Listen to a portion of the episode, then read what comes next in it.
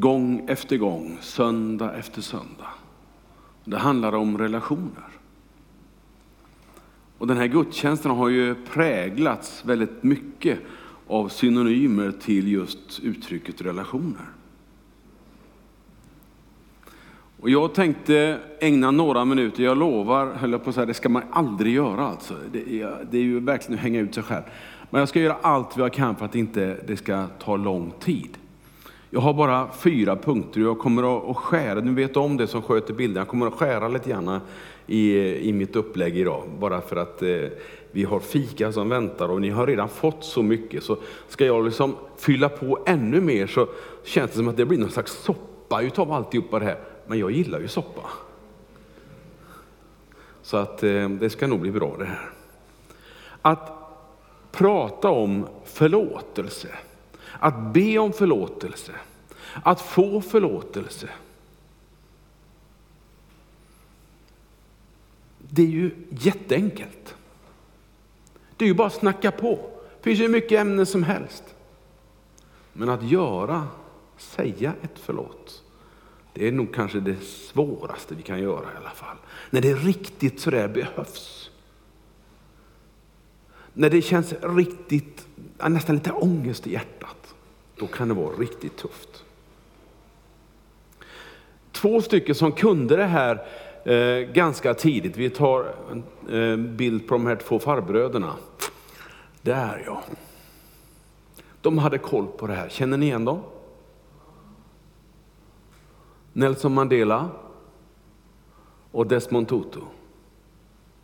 Kommer från två helt olika sidor av livet om man får uttrycka det så. Den ena han var revolutionär och eh, ville vända upp och ner på det dåtida samhället på sitt sätt, där på 60-talet. Och sen satt han inburad på en ö i ett antal tiotals år. Denne undre, Desmond Tutu, en kyrkans man, hade predikat många gånger om förlåtelse.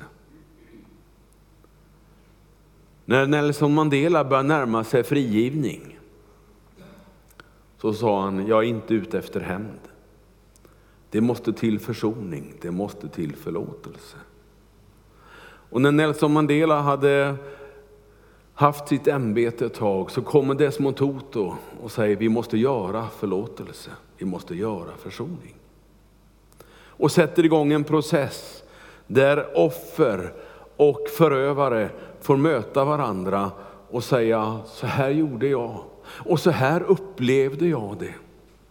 Och så fick man öga mot öga se varandra och göra ett förlåt. Utan den processen, utan deras föredöme,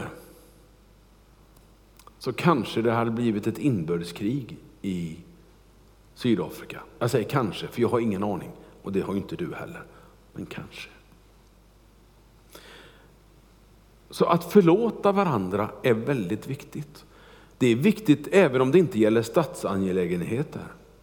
Om det så är i en kyrka, om det är i ett hem. Till och med om det gäller ditt hjärta. Därför att när du blir förlåten, när du säger ditt förlåt mig, så blir du fri. Därför är det viktigt. Förlåtelse, det är ingen svaghet. Det är inget tecken på att jag är en ynklig människa och en svag människa. Nej, varje gång jag hör någon, hör talas om någon som säger sitt förlåt mig, eller jag förlåter dig, så är det någon som jag upplever som ytterst stark. Och jag ser upp till den människan. Förlåta sig själv. Ja, men det är ju, det är ju bara att inse, jag gör fel fast jag inte vill. Jag kan inte komma på att jag vill göra fel. Har, det, det, det, har jag inte riktigt i huvudet. Men jag har desto fler gånger när det blir fel ändå. Trots att jag menar rätt så blir det galet. Och du kanske har samma erfarenhet. Det är också att förlåta, det är också att släppa taget om något i ditt liv.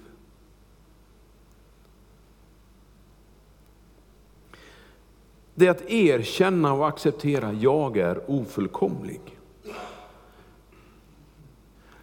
Jag duger inte alltid.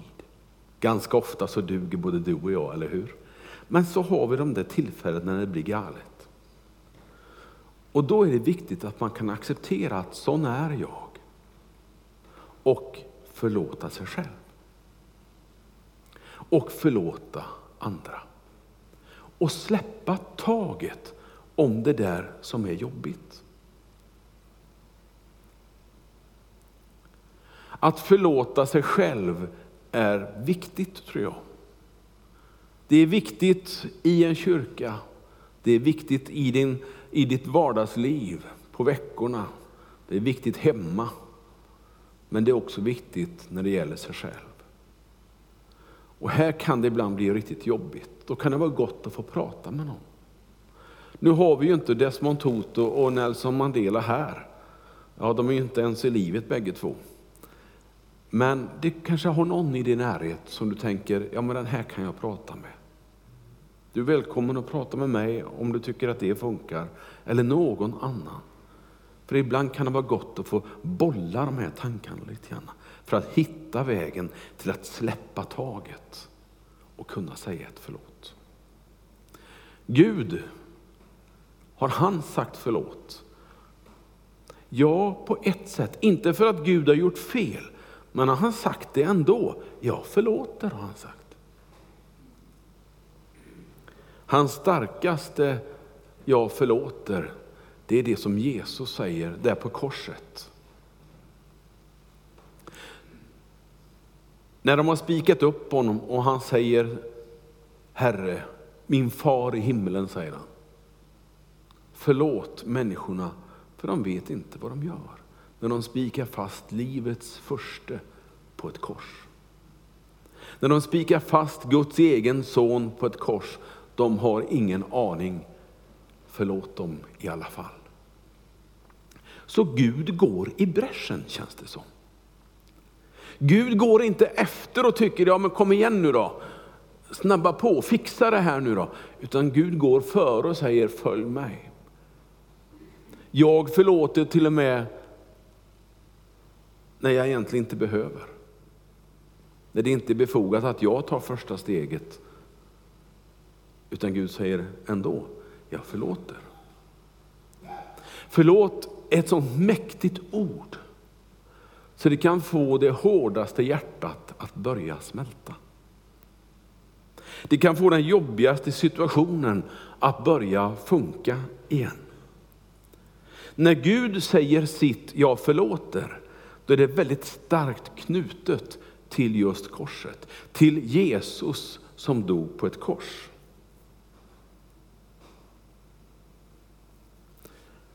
Att förlåta varandra, att förlåta sig själv och att uppleva Guds förlåt. De tre behövs i ditt liv. Det kan sammanfattas i det här älskade uttrycket. Jag förlåter, eller du är förlåten. Alla tre behövs. Att göra ett förlåt, det är att erkänna att det behövs. Det är att be om någonting väldigt ofta. Och det är att bejaka någonting väldigt ofta. Att bejaka, jag behöver förlåta dig, eller jag behöver be dig om förlåtelse.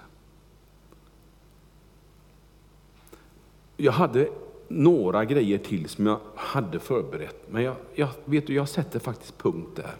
För jag tror att det räcker. Ibland så behöver man inte utveckla det hela så ofantligt mycket som man egentligen älskar. Ni vet de där, åh det här har jag kommit på, den meningen den blir jättebra. Men vet du vad, jag tror att du är fullt kapabel att lägga till. Sätta in dig själv i de här situationerna och tänka, ja, kanske jag behöver lite hjälp nu och då. Nu kommer det viktiga.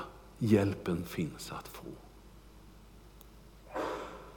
Den Jesus jag känner som dog på ett kors.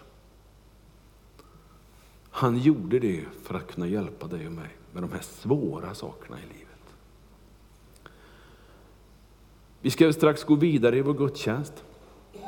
Men jag skulle önska att när vi så småningom möts vid ett nattvardsbord som vi ska göra om en liten stund, då har du världens bästa tillfälle att säga Herre förlåt för det jag inte har räckt till. Och så kan du få gå in i nattvarden och ha en ny relation till Gud, en förnyad relation till Gud.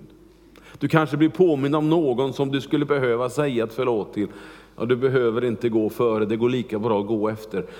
Det går så bra, bara det blir gjort. För många oförlåtna situationer finns som skapar oro, ångest och alla möjliga sorters märkliga sjukdomar.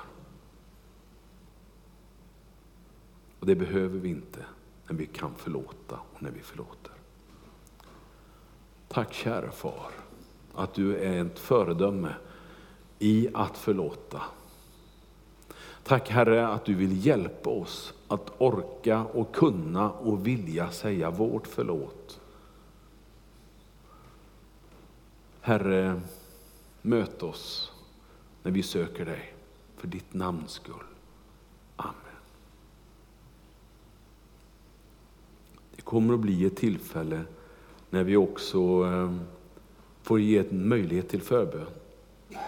Du kan få eh, möta några stycken här som har, står förebedjare på dem så här på en liten lapp.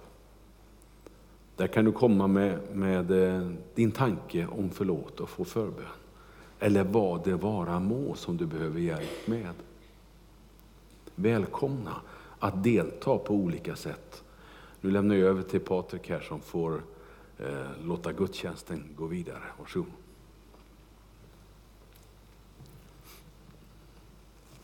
Tack så mycket Bengt.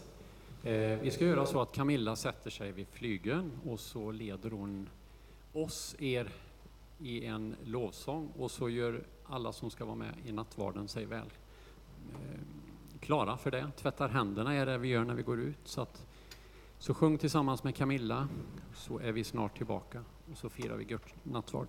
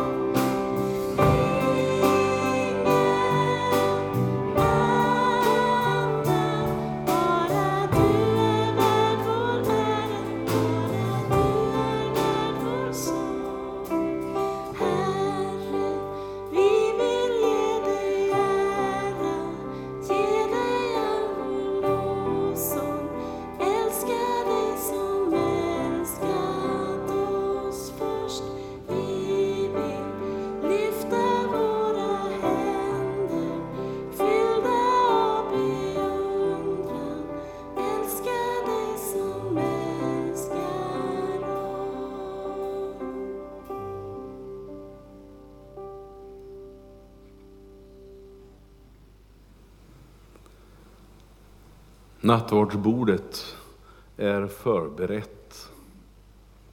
För dig som tror på Jesus så vill jag hälsa dig välkommen att delta i vår nattvard.